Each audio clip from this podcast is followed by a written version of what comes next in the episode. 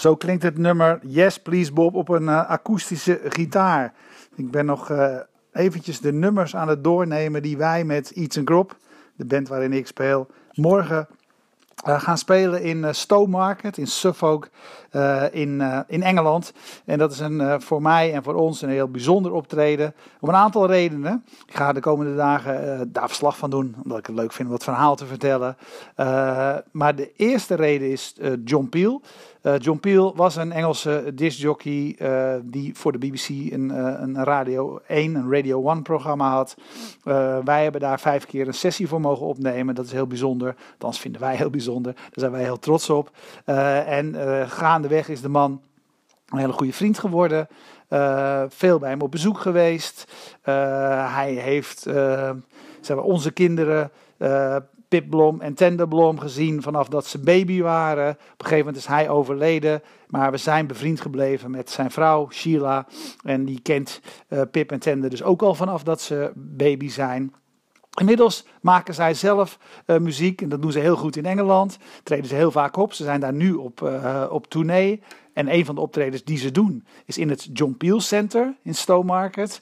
Um, Sheila uh, de vrouw van John Peel dus belde mij op een gegeven moment op en zei ze: Erwin, zou ze leuk vinden als Pip hier zou optreden? Nou, dat contact is toen gelegd met, uh, met het agency in Engeland en op die manier is dat allemaal, is dat balletje gaan rollen. Dat was geregeld voor Independent Venue Week, al die mooie kleine onafhankelijke zalen die Engeland rijk is.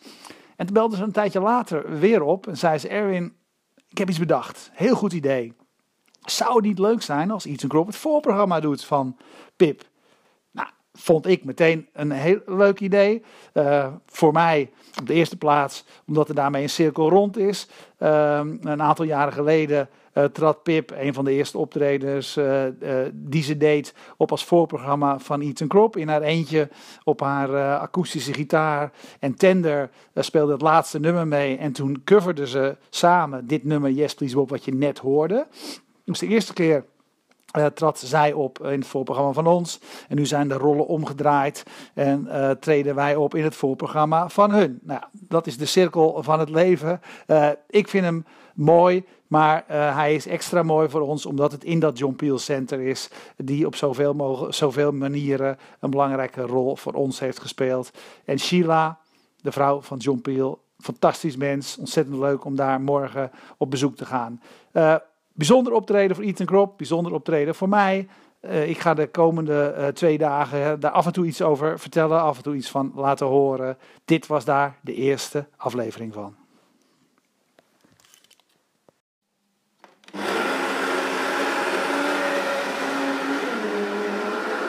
Het is vroeg in de ochtend.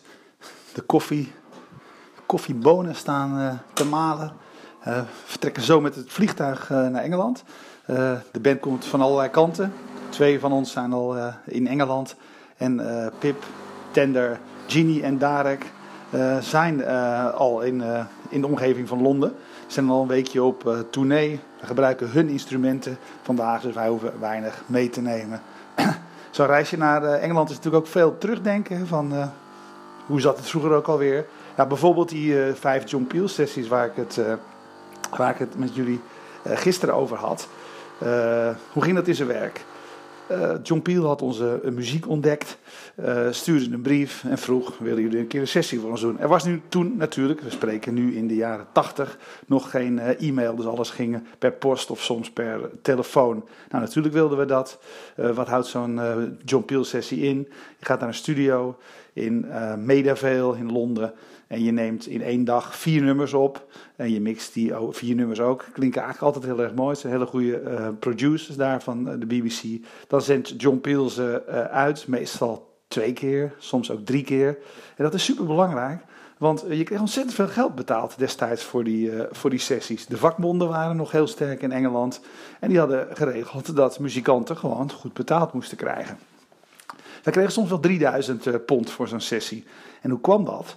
Uh, voor een belangrijk deel. Omdat wij allerlei van onze vrienden vroegen om ook mee te doen. Zodat ze ook als muzikant op de, op de, de lijst kwamen te staan. En zodat ze ook uitbetaald moesten worden.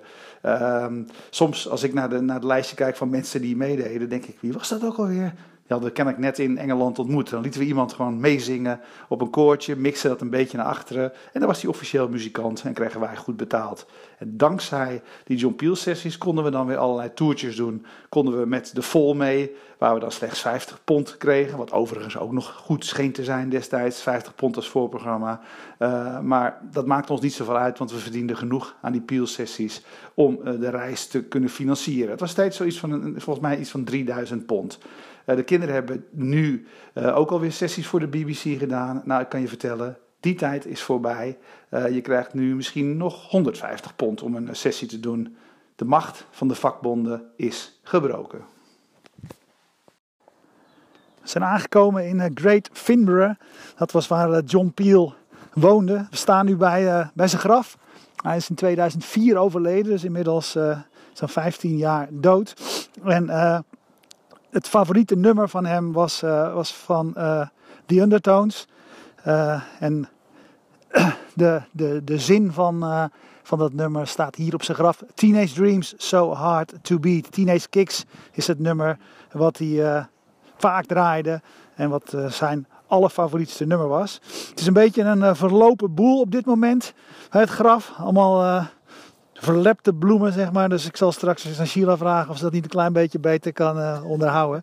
Maar ze vertelt wel eens dat ze hier dan soms eens een keer naartoe gaan. En dan staan er nog flessen wijn, dus dan worden ze dronken bij zijn graf. Dus misschien is het ook eigenlijk wel zo passend. Er ligt nog een petje bij. Een petje van Liverpool FC, want dat was zijn favoriete voetbalclub.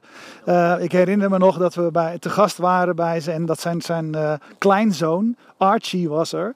En uh, nou ja, die had al meegekregen in ieder geval van opa. Dat als je voor Liverpool FC was, dan was je in ieder geval niet voor Manchester United. Dus dan zei hij altijd tegen ons van, I hate Man U. Dus dat was waar hij in ieder geval mee opgegroeid is. Groot Liverpool fan was, was John Peel. En groot Undertones fan was hij ook. Vandaar Teenage Dreams, So Hard to Beat.